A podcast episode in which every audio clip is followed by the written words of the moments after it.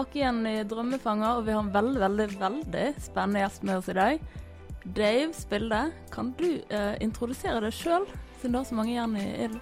Ja, jeg, eh, jeg heter som sagt Dave Spilde, og i dag så eh, driver jeg et selskap som heter Trollbound Entertainment, som Mm. er et eh, selskap som er eh, registrert i California, eh, og som driver med film og TV, og eh, har da et spesielt fokus på alle mulige prosjekter som er en eller annen link mellom USA og Norge, eller Skandinavia. Stilig. Du eh, Vi må jo egentlig klarere drømmen din, siden du er gjest i Drømmefanger. Eh, og jeg hører rykter, Mm. rykter om at du har drømt om å bli rik hele livet. Ja, eller eh, Det stammer vel fra eh, en eh, historie eh, Når min mor spurte meg da jeg var liten eh, om hva jeg skulle bli når jeg ble stor, så sa jeg rik. Så lo hun. Så sa jeg at hvis ikke hun sluttet å le, så kommer hun ikke til å få noe penger. eh, men eh, jeg har vel egentlig eh, Altså, uten å ikke alt, altså For min del så har det ikke alltid vært sånn at jeg har hatt en sånn helt klar idé om eh, hva som eh, skal være sluttspillet, men at jeg alltid har lent meg i retning av et eller annet som jeg føler lidenskapelig for. Og det har alltid vært film og TV. Og ehm, jeg startet mitt første firma da jeg var 20 år. Mm. Og eh, egentlig alt som jeg har gjort fra da til der jeg er nå, har på en måte vært en sånn lang prosess der jeg, ut ifra hvor hen jeg sto, har prøvd å, så optimalt som mulig da, å gå i retning av det som jeg likte best. Men det har vært en sånn lang og kronglete vei at jeg holder på med det som holder på med akkurat nå. Mm. Og jeg er fortsatt ikke i mål noe sted. Men eh, jeg, eh, jeg eh, vil si at fellesnevneren for alt er at jeg har alltid vært veldig glad i, i film og, og TV. Og Ja. derfor så har jeg Så passion, da, for det du holder på med. Ja. Mm. Um, så eh, helt siden Jeg husker min bestemor tok meg med på kino første gang når jeg var ja, Jeg vet ikke hvor gammel kan ha vært, tre-fire år gammel. Av alle ting så Annie. Mm. Eh, og jeg var elsket denne filmen, og tok meg med flere ganger for å se den filmen. Ja. Og eh, fortsatt sånn at jeg liksom får så sug i magen hvis jeg sitter på den filmen nå, bare for jeg får sånn føler jeg blir transportert i tid tilbake til den følelsen jeg fikk første gangen jeg Ja. så Det var Eh, første filmopplevelse. ja, kinoopplevelsen, liksom. Ja. Sånn, første gang du så det, var inne på, på Konsertballet og så film. Stilig. Så eh, da var liksom et, eh, et frø plantet. Og eh, ja, hun var jo flink til å ta meg med på kino, så det ble jo mye filmer etterpå det. Fantastisk. Du har jo jobbet mye med kinoteknologi. Ja. Uh, og teamet opp med kompisene dine Chris og Espen. Ja, altså det og, startet det? Nei, det òg er jo eh, Altså, det er jo sånn rar ting. Sant? Det er masse tilfeldigheter. For um, i Etter jeg hadde vært uh, uh, russ, mm. så jobbet jeg på en uh, uterestaurant i Bergen en sommer. Mens jeg ventet på at jeg skulle begynne på universitetet og studere psykologi. Som var noe annet som jeg også syntes var veldig interessant. Og så um, møtte jeg tilfeldigvis en, eh, en engelskmann uh, som bare var på ferie, Uh, som kom og skulle kjøpe noe øl. Og det var, det var ikke min dag egentlig til å være på jobb, så jeg var egentlig ganske dårlig humør, for det var en som ikke hadde kommet, og så måtte jeg komme etter jeg hadde vært på en annen jobb tidligere. Oi. Men um, Så han var litt sånn masete, da, sånn at jeg liksom jeg måtte bare begynne å snakke med ham. Men så skjønte jeg at han var ganske interessant. Han hadde gjort mye forskjellig eh, business i USA, bodd i USA akkurat mens jeg hadde vært utvekslingsstudenter. Så vi hadde litt sånn til felles eh, referanser i forhold til hva som hadde skjedd i USA når vi hadde vært der begge Stille, to. hvor, hvor, eh, eller hvilken stat var du i? Jeg var i Pennsylvania, et Ah. lite eh, drittsted som heter terrible. Men uh, han hadde vært i, uh, i Florida, i Miami Sweet. eller noe sånt, så det var jo litt mer eh, kult opplegg, da. Mm. Men eh, i hvert fall så eh, skjønte jeg at han drev på med mye business og hadde jo litt sånne gründerfølelser i magen. Så jeg eh, tenkte bare sånn OK, han bør jeg skrive ned nummeret til, så en eller annen gang når jeg har en kul idé, så kanskje jeg kan ta kontakt med han. Mm. Men eh, allerede dagen etterpå, når jeg var på jobb på en bensinstasjon som jeg jobbet på, da, så sånn klokken syv om morgenen, så ringte han meg, og så sier han 'Jeg har en idé, og vi, vi må snakkes', og Ah, så Ja. og det var ikke noe god idé, da. Men, okay. eh, men det som var veldig viktig, var det at han eh, vis, lærte meg en ting eh, som jeg tror alle kan ta eh, lærdom av. Da det at det der også bare Det er ikke noe ting å vente på noe, liksom. Det er bare hvis du, det, hvis du har lyst til å gjøre en ting, så bare sitt i gang med det med en gang. Ja. Jeg er veldig sånn Det ligger til min legning å på en måte skal planlegge og planlegge og vente til jeg har en sånn perfekt plan før jeg skal sitte den ut i livet. Samme. Ja. ja, sant? Mens han han eh, har jo kanskje litt for lite av det, og litt mer sånn her eh, Nå bare, nå kjører vi på, liksom. Sant? Men Mm. vi var en god kombinasjon sammen, nå. Mm. Og så Det utfyller hverandre veldig bra. Ja. Mm. Og eh, altså var det mye forskjellige rare ting vi holdt på å styre litt på med. For det meste så satt vi inne i da leiligheten til eh, eh, Espen Morild fra Pappapanelet. Produsent? produsent eh, og, og eh, planlagte forskjellige ting, da. Men eh, det, det, til slutt så startet vi et selskap, og da lånte jeg penger av Espen, som Mm. hadde litt penger, for han hadde arvet noe penger. Så Mm. fikk jeg låne noe penger av han til å starte det selskapet, som jeg lovet jeg skulle betale tilbake igjen med, med studielån, hvis det ikke gikk greit. Um, og planen var at den gangen eh, der som eh, Ole Bull scene er nå, der var det jo et eh, sånn utesteder og sånn, sånn Maxim og litt sånn Ja, forskjellige ja. ting. Og der skulle de som drev det, slutte med det. Ja. Og ville finne noen som skulle ta over. Og så ville vi ta over det. Men tilbake igjen da til min sånn filmlidenskap, så var planen at alle de forskjellige stedene som skulle være inne, skulle ha et slags sånn filmtema. Mm. Og den hoveddelen, da, det skulle hete jeg tror Preview Bar eller noe sånt som det. Og så var ideen at vi skulle ha skjermer der inne i hele stedet Mm. som viste bare sånn filminnhold eh, som Ja. gikk i bakgrunnen, og så skulle det være matservering om dagen, og så skulle det være utested om kvelden, og Kult, skulle da. Ja. Og så og så, men så skulle vi finne noe, ku, altså noe som så litt sånn kult ut. da Og da kom han her Chris, som var veldig sånn teknologiinteressert, og fortalte om noe som ingen hadde hørt om før. Noe som het plasmaskjermer. Og han sa at de var så tynne i forhold til vanlig TV, men de var jo kjempetjukke, akkurat som fire sånne her flatskjermer inntil hverandre i dag, da. Men de var jo allikevel mye tynnere enn en sånn her eh, tjukkas-TV som vi hadde før. Shit, hvilket årstall er vi nå? Nå er vi i 97. Ja, så det var ganske tidlig på Ja, den type teknologi. Det var det det. var det. det, det ja, det var det. De fantes fleste hadde sånne firkant-TV. Ja, det var sånn. bare Det fantes bare ett merke. Vi Mm. solgte ikke det i butikkene. Én skjerm kostet 100 000 kroner. Wow. Og det var et merke som het eh, Fujitsu som lagde det. Ja. I hvert fall. Eh, så eh, måtte vi ha noe innhold på de skjermene, da. Og da eh, spurte jeg han om han kunne eh, Vi skulle ta ringe til de, til de norske filmdistributørene og spørre om vi kunne få rettigheter på å bruke trailere.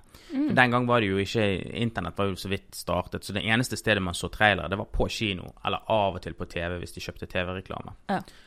Eh, nå er jo traileren reklame, men folk oppfatter det jo mer som en smakebit. Det er nesten som hvis du får en liten bit av en Snickers, så du får liksom en måte en En liten smak. smak. Ja, sånn. Så folk eh, syns jo det er mye gøyere å se på en vanlig reklame. Så tenkte jeg det var kult, det kunne vi hatt, og trailer for alt mulig der inne, da. Mm. Og når vi tok kontakt med de, så var det veldig stor interesse. Og jeg merket jo det var en sånn rar ting, men han, han er engelsk, og når han snakket Ja, jeg får bare nevne da, for jeg begynte jo å fortelle at han var på ferie, da. Men igjen, i kraft av å bare plutselig bestemme seg for noe, da, så, så var han her på ferie, og så sa han ja, men da bare, da bare flytter jeg her. Det sa han mens han var på ferie, og så hjalp vi han å finne en leilighet, og så reiste han bare hjem og hentet tingene sine, og så var han plutselig flyttet til Norge. Så ehm, han uh, eh, eh, Ja, han er snakk om å gripe øyeblikk, liksom. Men i hvert fall så merket jeg da at når han ringte og snakket engelsk til de, Mm. så ble de veldig sånn her eh, Å, nå, dette er liksom noe veldig seriøst. Jeg føler at hvis det var en norsk person som hadde ringt og sagt akkurat det samme, så hadde det sikkert vært en sinnssyk oppoverbakke. Ja. Men eh, long story short, eh, vi hadde noen investorer, så trakk de seg, og så gikk alt eh, Dundas. ad undas. Og så eh, satt vi i, i, hjemme hos Espen, produsent, igjen, og eh, ja, liksom eh, snakket om eh, veien vi Jeg satt og tenkte på studielånet mitt som jeg måtte ta opp nå for å betale tilbake en Espen. Nei. Og, og han der engelskmannen begynte å snakke om at han skulle flytte tilbake igjen til England og sånn. Mm. Men, men så satt vi der bare og snakket om Han begynte å fortelle en historie om noe sånn sånn fyr som hadde tjent veldig mye penger på reklame i, i England, på et Mm. sånt eh, prosjekt. Og så sa vi sånn Det var jo veldig kult med de skjermene. Eh, hva hvis vi hang de opp over alt, og så bare viste vi reklame på de? Kunne sikkert tjent penger på det. Og så sa jeg at eh, ja, men det er jo ingen som bare vil se på noe reklame. Vi må få det der trailerne. Så kan vi blande med reklame og trailer, og så har vi på en måte innhold og trailere. Ja. Og så sa vi ja, hvem skal selge reklamen? Og så gikk vi til Kapa kinoreklame og spurte om de var interessert i å selge reklamen, og de sa De bare lo litt og sa sånn ja, som men hvis dere har de trailerene, men liksom litt sånn lykke til med det. Og få rettighet på det. Og så eh, Blir du motivert da, når folk ja. Nei, jeg skjønner hva spørsmålet ditt, liksom. Blir motivert når folk sier at en ting ikke går an. Men jeg var eh, jeg synes så uerfaren på dette tidspunktet her at eh, jeg fikk ikke i meg sånn at jeg skulle prøve å motbevise han. Jeg bare håpet han hadde feil. Og så tenkte jeg bare sånn OK, vi, eh, vi, vi får nå, Han har i hvert fall ikke sagt nei, liksom, så vi går videre på, på veien her. Og da husker jeg, da skulle vi til Oslo og prøve å, få møter med disse her distributørene for å se om vi kunne få noe deal. mm. Og eh, jeg eh, tenkte med meg sjøl at eh, Eller vi hadde nå en, Vi satt sikkert flere timer og diskuterte.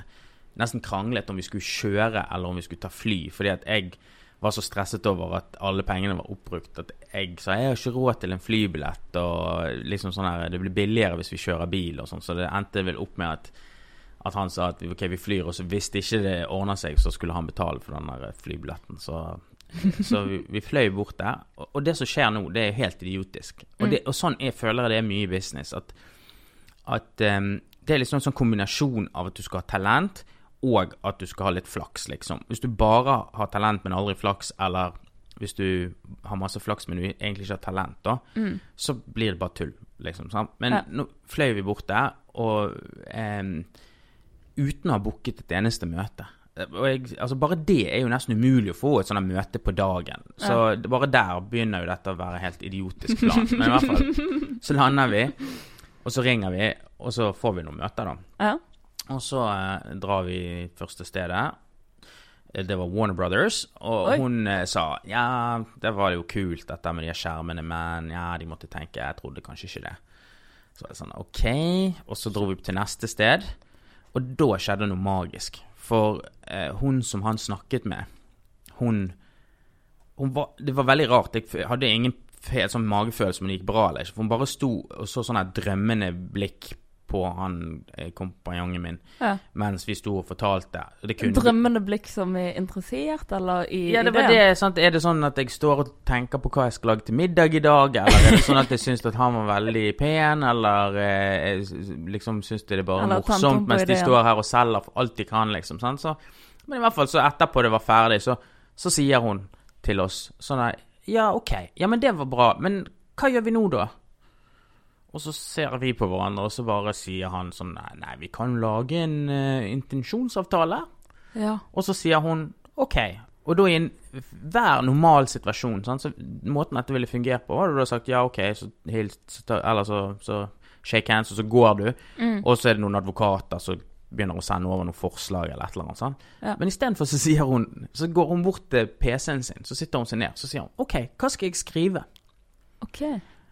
Det var såpass gira Ja, og liksom Og dette var jo, det er jo helt utrolig. Sånn, så, og, og da representerer det selskapet Paramount Pictures, Universal Pictures og MGM. Så de var jo størst Ja. på den tiden.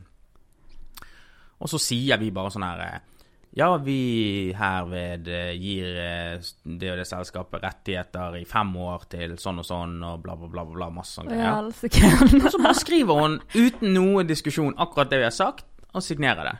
Fantastisk. Og vi bare kommer ut av det møtet, sant. Og liksom, og her er poenget. Du må av og til tro på at utrolige ting kan skje. Ja. du må ha en litt sånn, litt sånn naivitet på at Altså, du, du må prøve å ta i dører som det virker litt sånn bortkastet tid å ta i, da. Ja. For hvis noen sa til meg i dag at dette var planen min, jeg skal reise bort til Oslo, så skal jeg se om jeg kan få Hvis du forstår hvor streng de der Hollywood-studioene er på alt mulig Dette er en helt Dette er en helt idiotisk idiotisk idé. En helt idiotisk idé som bare av en eller annen måte funket. Så kommer vi til neste. Og nå kommer jo, eh, skal liksom virkeligheten innhente oss. Så kommer vi til neste distributør. Og så sier vi sånn og sånn og sånn. Helt uaktuelt. Er bla, bla, bla, bla. Så bare sånn OK. Så vi Så sier vi Ja, men de andre sånn og sånn var med. De var med. Så, så, så trodde hun ikke Lo nesten av oss. Så Ja, hvem er dere snakket med der, da? Så sa vi hvem vi hadde snakket med. Så ble hun litt mer sånn Å ja, OK. Ja, hva er dere blitt enige om der, da? Og så lå vi denne avtalen nede På bordet. Ja. og så sier hun sånn For i, du vet frykten for å gå glipp av noe som er bra, eller ikke være med på noe. Så. Ja. Oi, er det sånn dere mener det? Å ja. Bare vent litt. Så gikk hun ut og lagde et identisk eh, kontrakt og kom tilbake med den og ga den til oss. Og da var det bare sånn, så kom du til neste, Da var det gjort, da. og da var det bare fikk vi med alle. Og så gikk det noen måneder, så ble Warner Brothers nedlagt og innlemmet i et av de andre selskapene som vi hadde avtale med. Så da hadde vi alle. Så gikk vi tilbake igjen til Kapa, og så var det sånn OK, dere kan flytte inn på disse kontorene her, og nå er vi, nå er Nå er vi i gang. Ja, sant? Så da, da er du på gang. Men så tenker du kanskje sånn Du tenkte jo sånn at OK, nå we made it, liksom. sant? Ja, Men de eh, fleste tenker nok det. Ja, men eh, det er det jo ikke, sant? for nå skal du jo faktisk eh, klare å Levere. levere og få, få teknologi Altså, det var, jo helt, det var jo mye sinnssyke ting, sant. Det er jo det som er greien, at jo mer du vet, jo mindre får du lyst til å prøve, for du skjønner all motstanden, sant. Men når du har sånn naivitet, er av og til eh, bra, En god da. ting. Ja. Fordi at vi, det vi hadde sagt vi skulle gjøre, det visste vi jo ikke egentlig om det fungerte. Nå høres jo det helt patetisk ut. Det vi skulle få til, var at vi skulle ha digitale filer av disse tre, lage digitale filer av disse trailerne, Mm. og så ha en datamaskin som spilte av på skjermene. Det høres ut som verdens enkleste ting. Du kunne jo ha streamet det fra en mobiltelefon i dag, liksom. Sant? Men i ja, men på den tiden ja, I og- 98, som dette var, da var det det var, det var skikkelig Du måtte ha de aller raskeste maskinene, bare for elendig kvalitet på de klippene i forhold til det du får i dag. Og um, det var superkomplisert. Og jeg husker vi satt oppe på det kontoret, og jeg var bare helt Jeg husker jeg hadde vondt i magen, for jeg var redd for at Hva hvis ikke det går? At vi ikke får til det som vi har sagt at vi skal gjøre, nå når vi har fått til alt det andre, da. Men um, Ja, man fikk jo det til, da. Men så igjen, sånn som livet ofte er, så viser det seg det at det som du nå trodde var det produktet som du skulle selge, og sånn, det solgte dårlig, eller det funket ikke noe særlig bra. De hadde, vi hadde disse skjermene i foajeer på kinoer over hele landet, Ja. og de slet med å selge reklame på det. Og, og de var jo så sinnssykt dyre igjen, sant? med sånn 100 000 så vi, så vi leaset. Så det var jo et mareritt. Så gikk kjempedårlig økonomisk første året. Men da var du innstilt på at uh, det går ikke Nei, nødvendigvis uh, fra første stund, altså rundt økonomisk. Nei, eh, men eh, vi hadde nå de pengene vi hadde, når de på en måte var begynt å bli oppbrukt, da, så eh, var det liksom Hva gjør vi nå? Eh, og da skulle vi ja, skulle kjøre en runde til, da. Så da Eller han kompanjongen min han var litt sånn nei, da nå får vi bare kaste inn håndkleet, liksom. Men så tenkte jeg sånn Det var en ting som Jeg husker det var sånn første gang jeg tenkte det, og det prøver jeg alltid å huske på. At liksom Det finnes alltid vanvittig mye flere løsninger til et problem. Altså Man tenk, tenker ofte at det er to ting. Enten så blir det sånn, eller så blir det sånn. Men Mm. det finnes så mange variasjoner Ja. av løsninger. Så um, vi lagde en idé, så gikk vi tilbake, så reforhandlet vi, og så fikk vi ordnet opp i alt det økonomiske greiene, og så fikk, de, eh, fikk eh, Kapa og Bergen kino mer eh, andeler i det der firmaet. Ja. Og så kjøpte vi oss tid til å holde på litt til, da. sant? Og det som skjedde, var at den teknologien som vi etter hvert begynte å utvikle for å gjøre det der greiene i foajeen, så begynte Kapa sitt hovedområde, som selvfølgelig å vise kinoreklame inne på lerretet, de holdt på å gå mot konkurs. Selv om hele reklamemarkedet gikk så det suste. Mm. Fordi at den teknologien de brukte, som var film, 35 mm film, um, som eh, kanskje ikke er lett å forstå hvor, hvor, eh, hvor eh, sånn uhamslig det var. Men for å, sånn rask beskrivelse, da. Si at du er en annonsør. Du er solo, Ja. og så skal du ha en eh, film på kino. Og til enhver tid så finnes det 400 kinosaler, så i, går det en eller flere filmer i hver sal. Så da må du lage 450 kopier av den, sånne små filmruller av den reklamen din. Så skal du sende de til Kapa. Så skal de lime de sammen med alle de andre annonsørene, som kanskje er 20 til, i en ny filmrull. Så skal de sende det ut til alle kinoene. Så skal de lime de fast på alle spillefilmene. Og så kan du tenke deg hvis du oppdaget oi, vi sendte feil film. Hvilket sånn logistikkmareritt det er da å på en måte få den ut derfra. Og det var veldig dyrt, veldig treigt, og annonsørene likte det ikke. Så de gikk bare nedover og nedover. Og så sa vi men hør, det som vi gjør ute i foajeen, det kunne vi jo begynt å gjøre inni salen. Vi hadde jo da utviklet system vi kunne sende alt via satellitt, disse digitale filene. Hvis det der soloeksempelet mitt hadde skjedd, så hadde det vært et tastetrykk for å på en måte ta ut den reklamefilmen. Mm. Og det var egentlig begynnelsen på det eventyret for det selskapet, da. Fantastisk. Så da eh, Da sa Kapo ok, vi holder på å gå konken, så vi må bare kjøre på. Vi gjør det. Og så eh, ja, var det en lang, selvfølgelig en lang sånn thriller der i forhold til å skaffe finansiering, for det kostet jo veldig mange millioner å få gjort dette her.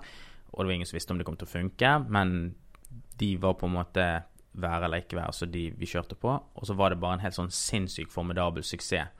Så jeg tror de gikk fra eh, 14 millioner minus til 6 millioner pluss i første året etter at eh, de hadde gjort den endringen.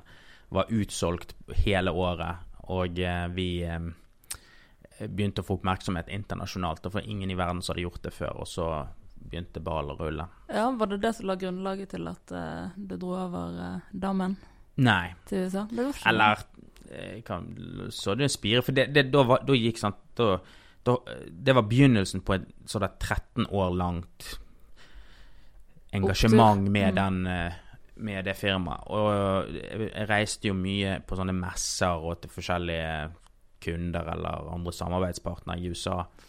Som gjorde at jeg først jeg kunne ikke få dra Los Angeles eksempel, første gangen jeg var der. Men det var bare den byen er ikke så lett å forstå.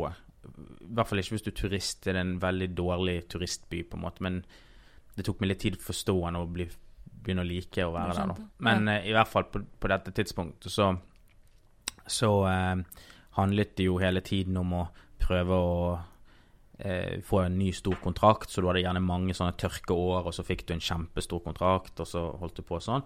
Og så begynte spillefilmverden å snakke om at de skulle filmene òg skulle bli digitale. Altså for Folk flest tenker sikkert ja, men har ikke det vært digitalt superlenge, da? Ja, jeg tenkte det. Ja, sant? Ja. Men det har ikke det. Altså, ja. de sluttet å bruke film på kino eh, eh, i Norge i 2010.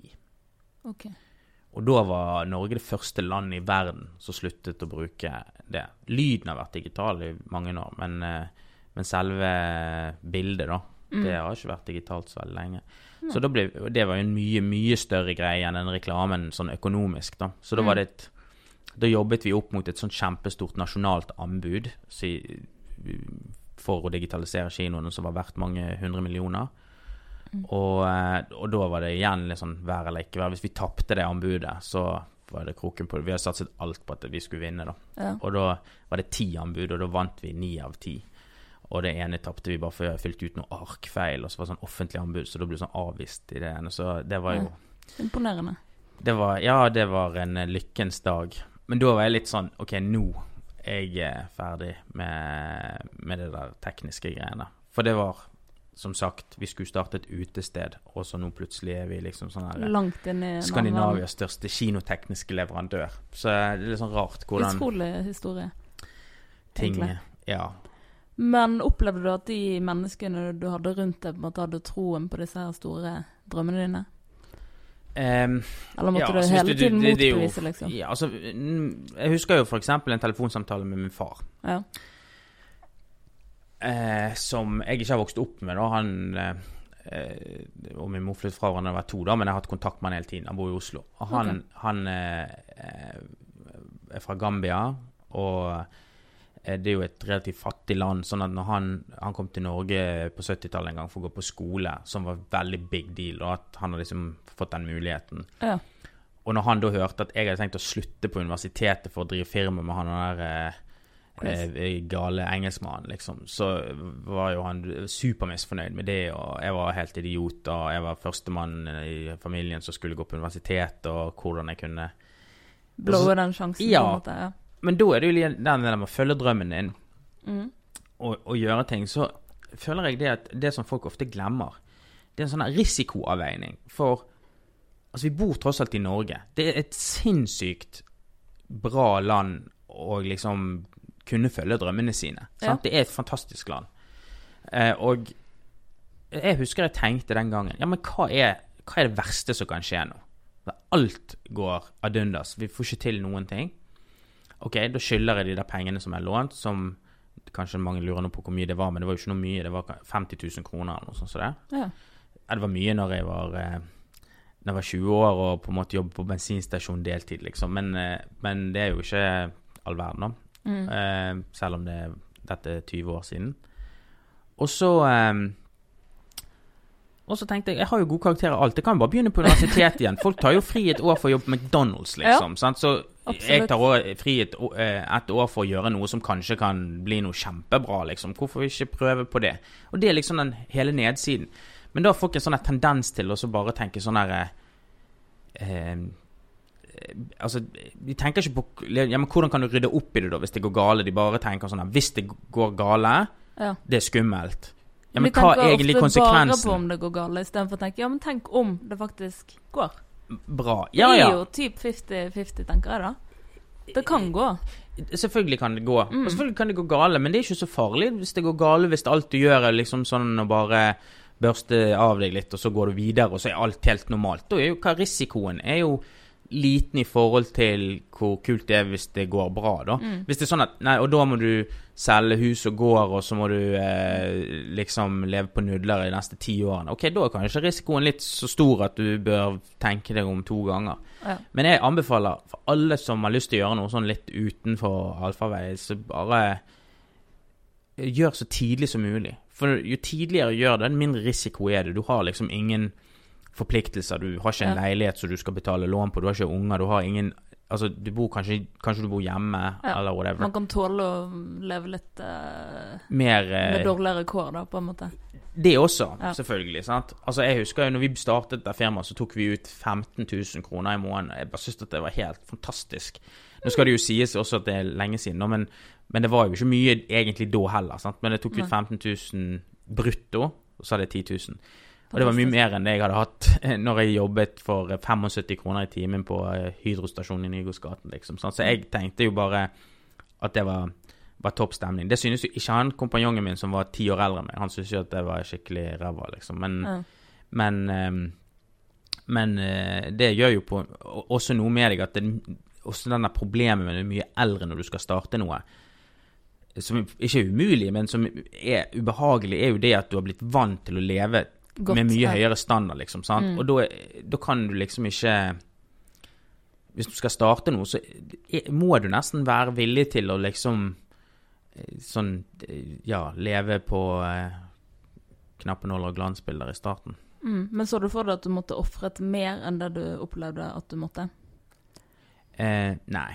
Nei. For jeg tror egentlig ikke jeg hadde noe sånn her veldig sånn klar tanke om hva dette innebar. Sant? Du, bare, du gikk bare fra dag til dag. Men du syntes at det var gøy. Liksom? Og, og det som var gøy for meg, Mm. selv om jeg aldri Jeg var egentlig ikke noen sånn tech-person når jeg startet det. da Altså, vi starter et teknisk selskap, og det eneste jeg egentlig kunne, var sånn at jeg kunne skru på en PC og få opp Word, og så liksom skrive Det var Ja, der det begynte. Og alt annet bare måtte jeg bare lære meg sånn underveis. Da så hadde jo jeg litt sånn eh, anlegg for det, da. Men eh, Men eh, Men det var jo den filmbiten jeg syntes var så kult. Mm. Via avtale Jeg var på kontoret til eh, Warner Brothers, synes, sant? og så begynte du å reise på sånne messer der det var Hollywood eh, Studioene var der, og masse skuespillere, og, og filmfestivaler, og alt sånt som det. Og det var veldig lenge motiverte det med hver eneste morgen til å stå opp liksom, og gå på jobb, fordi at være, det var alle de bonusene. Men det var jo egentlig ikke det vi drev på med. Vi drev jo på med noe sånn teknisk eh, greie. Ja.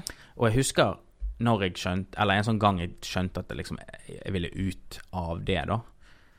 Og det kan jeg nevne at i løpet av de 13 årene så var det ikke bare det selskapet, det var mange andre selskaper. Vi startet i sjøvannet av det, så vi hadde et selskap som het Bug, som var Mm. Eh, Der jobbet jo du er produsent, Espen. ja, Espen var jo eh, både finansiør og første ansatte i dette selskapet, skal det sies. da. Så han, eh, han begynte jo å jobbe hos oss og, og jobbet jo senere i Bøgg. Men det var jo et stort grafisk selskap. Vi hadde et reklamebyrå. Vi hadde et software-selskap og et um, spillselskap som jeg fortsatt er medeier i. Men i hvert fall så eh, Så husker jeg så satt jeg i Las Vegas på en sånn stor awardshow der det var masse, masse eh, skuespillere og regissører og ja, og så fikk du se masse kule trailer for ting som skulle komme og sånn. Mm. Og, så, og da er det, du kan forestille deg akkurat som en sånn gigantisk Altså ti gymsaler, liksom. Sant? Det er så stort rom. mm, Tusenvis av folk inni. Og så har du en scene, og så har du en halvsirkel rundt den scenen. Og inni der sitter kremen, alle de der Hollywood-folkene. Krem de la krem. Ja. Og så står noen livvakter rundt der. Og så på utsiden så sitter eh, resten. Eh, og så sitter jeg da på et bord langt baki. Det er sånn at du må heller, det er bedre å se på en sånn skjerm som er på veggen enn å se ned mot scenen, for det er så langt unna at du ser bare noen sånne små eh, knappenåler som går der. Og så sitter jeg og hører på noen sånne andre kinotekniske folk som snakker om prosjektorer og lerreter og alt det greiene, og så bare tenker jeg sånn inni meg, vet du hva Jeg lurer på hva de sitter og snakker om, de der som sitter borti denne halvsirkelen oppe der. De sitter og snakker om den filmen de nettopp viste trailer for, og eh, om de tror hvordan den kommer til å gjøre det, og hvem som burde ha spilt, eller og ditt og datt, og alt sånt. Og det er jo det som jeg syns egentlig er gøy. Det er det jeg elsker. Og så sitter jeg her nå og snakker om jævla høyttalere og lerret og sånne greier. Bare sånn, jeg har lyst til å sitte inni den sirkelen der. Mm. Men jeg, sånn, sånn, jeg visste jo ikke Ja, men hva skal du gjøre for å være der? Jeg har jo ingen sånn utdannelse, formell utdannelse eller noe sånt. Så da eh, gjorde, begynte jeg å gjøre noe som jeg liksom sier alltid til andre når de, når de vet noe de liker, men de vet ikke helt nøyaktig hva de skal gjøre, eller sånn. Mm. At du må bare begynne å lene deg mot en ting. Når du inni hodet ditt har på en måte bestemt deg til Jeg har lyst til å sitte inni den sirkelen. Jeg vet ikke hvordan jeg skal komme der, men det er det Mm. Men jeg har lyst til å gjøre. Litt, liksom. Ja. Så eh, starter det en sånn prosess at du begynner å se muligheter som du ikke hadde lagt merke til ellers. da. Du Mm. snakker med noen på et forspill. Sånn og sånn og sånn, et eller annet. Og så tenker du ja, hm, der jeg burde ta og så ta kontakt med den personen senere, og så det Ja. der kan jeg involvere meg litt. og- ja. ja, sant. Og så, og så, ja, så begynner man på en måte bare hele tiden å, å se de der mulighetene og spinne litt på de og dra deg sjøl og, og, og begynne å ta i dører igjen. Sant? Du tar Ja. i dører, så er den åpen, er den åpen, er den åpen, er den åpen. Og så plutselig så åpner det seg en dør. Så etter Og du går inn.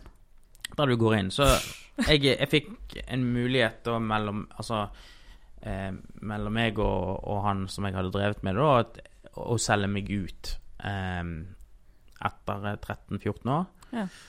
Og så eh, Og det gjorde jeg det.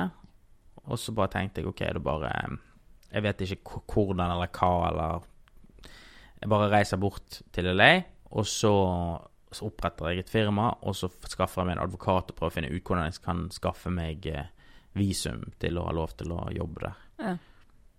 Og så gjorde jeg det, og så eh, og kjente ingen, egentlig. Eh, annet enn kjæresten min, som hadde flyttet bort der litt før for å gå på skole. OK, så det var litt av henne, da, eller? Ja, det var jo Ja. det, det, For å si det sånn Igjen tilbake til det med at hvordan han kollegaen min var så utrolig på ballen til å gjøre ting, og jeg var, sitter og planlegger i all evighet. Og så var, var det jo hun en stor som bidragsyter til at Altså, hun inspirerte meg sinnssykt, fordi at hun hadde jobbet her, eh, reklamebyrå her i Bergen og avis, og så var hun lei, og så hadde hun lyst til å videreutdanne seg. Mm. Og det var jo vanskelig da, så fordi at når du begynner å studere der borte, så i hvert fall før, så var det sånn at du får ikke støtte fra Lånekassen det første året, og det er jo Nei. dyrt å gå på skole der. Ja, Så da hadde hun, så da hadde hun eh, leid ut leiligheten sin, flyttet hjem til moren, Mm. og så bare spart penger i et helt år for å liksom kunne ha nok til å overleve det første året inntil hun kunne få noe sånn støtte fra Lånekassen. da. Det er god eh, planlegging. Det er god planlegging. Veldig god planlegging. Og når hun fortalte det, så ble jeg bare sånn Herregud, ikke det jeg står og Jeg står og venter i årevis. Jeg hadde jo Min økonomiske situasjon var jo sånn at det var jo sykt mye enklere for meg å gjøre det enn det var for hun å dra bort der, da.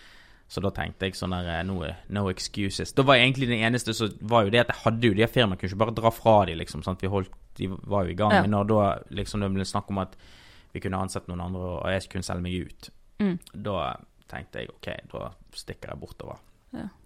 Og eh, ganske kjapt så eh, traff jeg et par eh, Igjen disse rare til flaks-tingene, da, som Ja. lette deg. Et par år før så hadde jeg vært på Gullruten.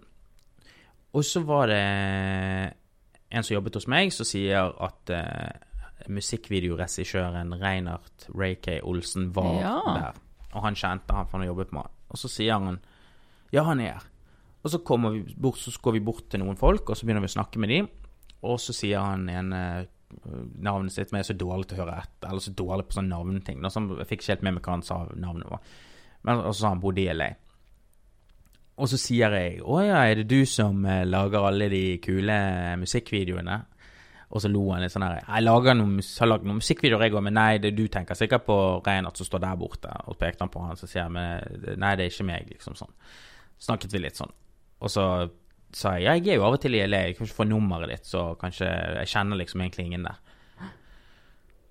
Så, sant? Dette er sånn to-tre to, år før jeg drar bort der. Ja. Og så når jeg er der borte, så eh, sier hun eh, kjæresten min, at, eh, som nå er konen min, at eh, ja, det var sånn problem med forsikring fordi at på, på når du skulle kjøre bil, altså Mm. bilforsikring. Fordi at hadde ikke amerikansk lappen, og eh, da var ikke det veldig mange forsikringsselskapene som ikke ville gi det. Eller hvis ikke du hadde personnummer, amerikansk personnummer, så får ikke du forsikring. Ja. Så tenkte jeg ok, jeg må ringe til noen og spørre. Det må jo være noe som bare står og tenker liksom, Hvem kan jeg ringe og spørre? Og spørre? Ray Kay? nei, nei, nei, han andre karen, Hallgrim okay, heter han. Så ja. tenker jeg sånn her Jeg tror jeg vet hvem det er.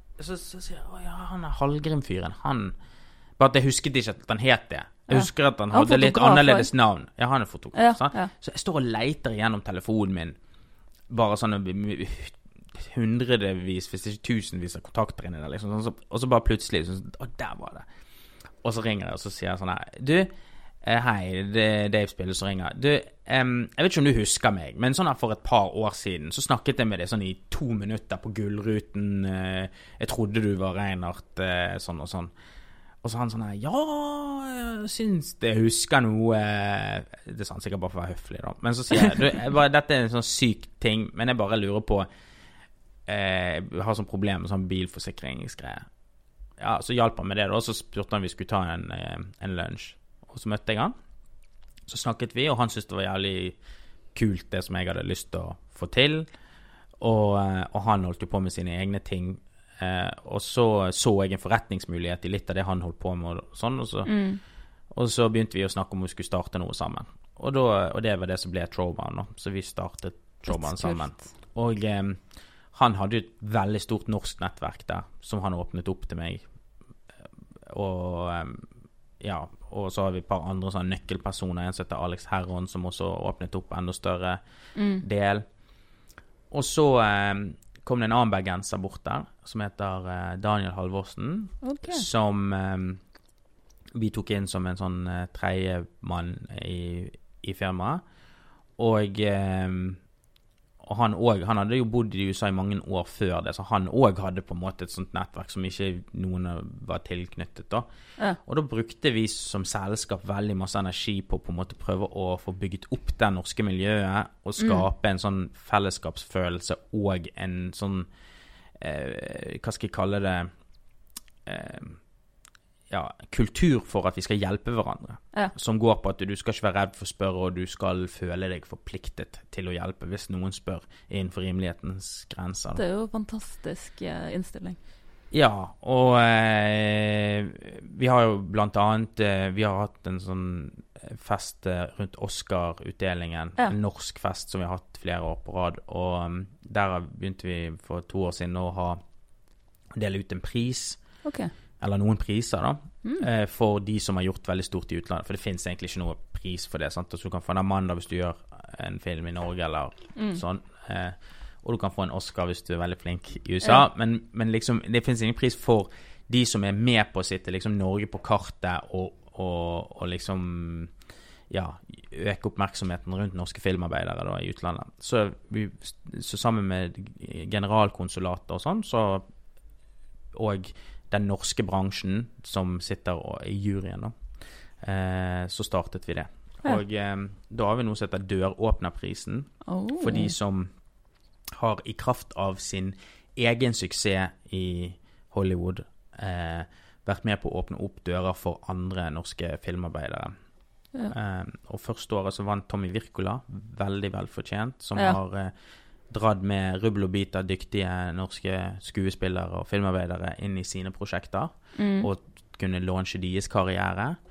Og eh, i fjor så vant eh, Eller i, i år Ja. så vant eh, Anders Tangen, som produsent på, var produsent på, på Dag og Lillehammer og Vikingene. Ja, og ja. ja, Han er jo kjempeflink og lager veldig masse forskjellige greier.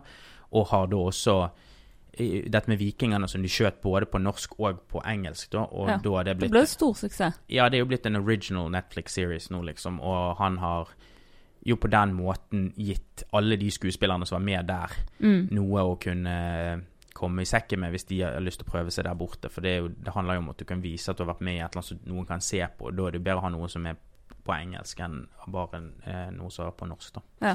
Jeg lurer på litt med liksom dine personlige egenskaper, da. Om det er noe spesielt som har gjort at du tror du har lykkes med å få et liv du er fornøyd med, da? Eh, altså, jeg liker i hvert fall å tro eh, kanskje det Altså Å være kreativ. Mm. Sant? Altså, å tenke at kreativitet er ikke bare sånn Jeg er flink til å tegne eller male eller eh, skrive sanger eller sånn, men at Ja. du kan bruke kreativitet i business ganske mye, da. Eller det er jo egentlig åpenbart at du må være kreativ, men Det er jo en måte det- å tenke på. ja, sant? men du kan ha en sånn kreativ tilnærming til alt, og at uh, det fins masse med forskjellige løsninger på problemer, og sånn som du snakket om tidligere.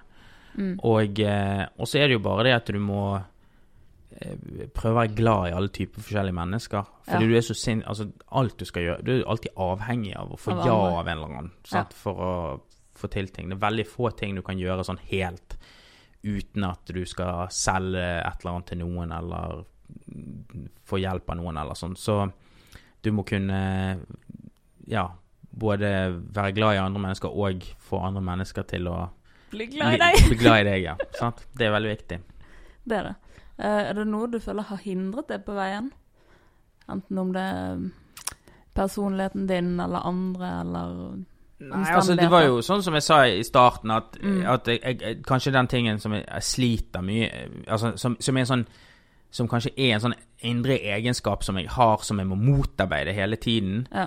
eh, så er det kanskje det der med at jeg hele tiden har lyst til å stå og pusse på en plan, og liksom at den skal være så Perfeksjonist, kanskje? Ja, ja, men ja, eller eh, det høres sånn flåsete ut. Jeg, jeg, jeg, har ikke lyst til å prøve å gjøre dette til noe positivt. Det er bare det at jeg, tror- jeg tror det at er veldig mange lider av at du Jeg leste en sånn inspirasjonsgreie i heisen min, og så sto Ja. det um, Det sto um, Day one or one day.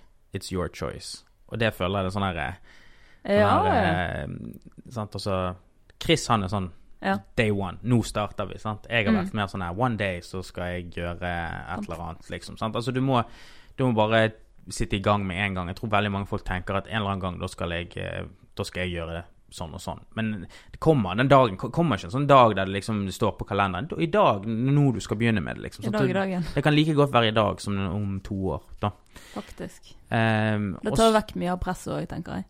Ja, Mm. kanskje. og, så, og så er det Og den andre tingen som jeg eh, kanskje føler eh, har vært eh, Eller som er en sånn svakhet eh, som eh, kan ødelegge mye, er at jeg har Jeg tror har en sånn overdrevet eh, tro på andre av og til. Sånn at jeg Til og med når folk sier til meg Ja, men jeg tror ikke jeg kan det. Så jeg, jo, jo, jo, du kan det. Det går greit, liksom. Dette, Ja. dette går. Sant? Og så Mm. Og så av og til da så eh, hadde de rett at det, dette kanskje ikke var noe for de, eller de ikke får det til, da. Sant? Men eh, det ligger jo bare i det at jeg sjøl er veldig sånn jeg tenker sånn, jeg kan gjøre hva som helst, liksom, hvis jeg bare put my mind to it. Eh, Mm. da, Men man kan jo det, tenker jeg. Ja, men Men det, du må ha Du må være motivert til det. Ja. Sant? Ja, så du kan jo det hvis du er motivert til det. Men når noen sier til deg Altså, dette er en sånn ting som eh, jeg føler som klassiker, da. For eksempel utdannelse. Så har du Sier foreldrene dine eller noen til deg at det og det er lurt å gjøre, for der kan det lett å få jobb, og du tjener bra penger. sant? Mm. Men så er ikke du motivert, men du gjør det likevel fordi at de sier det er lurt. Og så, får, så kanskje du ikke står engang, eller hvis du står, så er det kjempedårlig karakter. Så får ikke du jobbe likevel. Og så Ja. har du kastet vekk tre-fire år på noe som du syns var skikkelig kjedelig å holde på med. sant? Mm.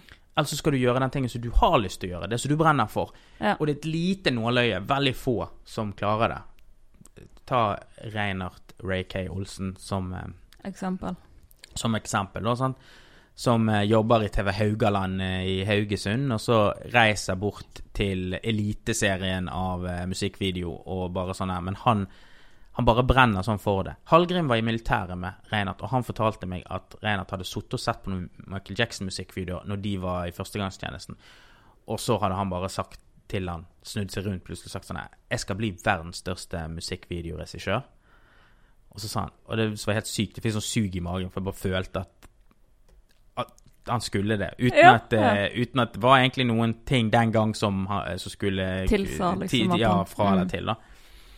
Eh, fordi at du kan klare å komme gjennom det der lille nå, hvis, hvis du er så sykt motivert. Ja. Fordi at det da eh, står du opp tidligere enn de andre, og du legger det seinere enn de andre, og du, du eh, Når du ser at det brenner eh, overalt, og så bare klarer du å se den ene lille veien ut av eh, problemene som eh, de andre bare kaster inn håndkleet. Ja. Sånn, Så eh, det tror jeg er veldig, veldig viktig at man er motivert, og da, da skal du drite opp i om andre folk sier at den tingen du skal gjøre, at det er så vanskelig eller umulig å, Ja. å tjene penger. For til og med hvis de får rett, og du ikke får det til, så har du i hvert fall hatt det gøy prøvd. underveis. Ja. Ja. men du har jo hatt det gøy underveis. Du har Ja. gjort noe du likte. sant? Mm. Altså, Det må være målet. ja. Når jeg solgte meg ut av alle selskapene for å starte det andre, så var det så sykt mange som sa til meg at eh, faen, du er jo dum i hodet, liksom. Sånn at du tjener kjempebra, og ting går veldig bra, og hvorfor gjør du det, og sånn. Og så tenker jeg sånn her, Men når du sier det til meg, så sier du egentlig bare det at du tror at det er flaks at det som har skjedd, har skjedd. Mm. Hvis du forstår at det er jo mitt eget bidrag inn i dette her som har gjort Så kan jo jeg gjøre det på nytt igjen, Ja. med noe annet Ja, ja. etterpå. Inn? Og det gjorde du jo òg. Ja, eller jeg føler, jeg føler ikke at eh, det som jeg driver på med nå, er der som det gamle selskapet mitt var sånn i forhold til å ha nådd sånn at nå er du bare i verdensledende Eller det er langt ifra det. Altså, Mm. vi er helt i startgropen, bare for å ha sagt det. Så vi skal ikke prøve å påberope oss noe mer. Men eh, Man Men det er starter gøy. jo et sted, ja. og du er på vei. Uh, og så lurer jeg på, er det noe som har inspirert deg? Noe du har lest? Personer ja, det er masse ting underveis? Ja, det er masse, masse ting som har inspirert meg. Jeg husker jeg hadde en eller annen bok Ja. da jeg var unge som sto om forskjellige folk som hadde gjort eh, store ting. Da. Men der var det ett kapittel om Steven Spielberg. Ja. Og igjen dette med film, da. da var, det ble jeg veldig giret av. Og så Altså hvis det er sånne personer og Altså Av og til så leser jeg Jeg liker sånn biografi. Jeg leste en biografi om Steve Jobs, og selv om han eh, på mange måter virket som en litt sånn ufyselig eh, fyr, da, så var Han har jo virkelig vært med å forandre verden Ja, ja. to ganger. Både på eh, da, personlige data, eller PC-er, og på telefonfronten. Og eh, igjen sånn som bare sånn god mot strømmen. Og når Ja. alle sier at ja, men det er ingen som vil ha den tingen. Mm. Og så sier han ja, men folk vet ikke hva de vil ha. Nå skal jeg fortelle dem det. Og det er jo lettere sagt enn gjort, men Ja. de klarte, Apple klarte jo det, da, med hans eh, ja, Med han i ledelsen. Så eh, sånne ting. Og selvfølgelig eh, Altså, jeg blir inspirert foreldrene mine, som eh, også har eh, hatt eh, utfordrende eh, Altså min far som kom fra Afrikas minste land til Norge og har gjort det bra. Og, eh, mange unger som det har gått bra med, og alt sånt som det. Og, Ja. og min mor også har hatt en tøff oppvekst, eh, og har på en måte aldri Jeg har aldri følt en dag i mitt liv Altså kunne jeg på en måte ikke gittet hun, det som har skjedd med hun, ut ifra hvordan min egen oppvekst har vært. Ne. Så um, ja, jeg la- lar meg vel lett inspirere av mange ting. Det er ikke så lett å si at det er sånn én spesiell ting som har uh, inspirert meg mye mer enn noe annet. Kanskje Annie, når jeg så den på Annie, kino. Ja, det var vendepunktet, det. ja. Tusen, tusen, tusen takk for at du ville komme. Takk for at jeg fikk komme.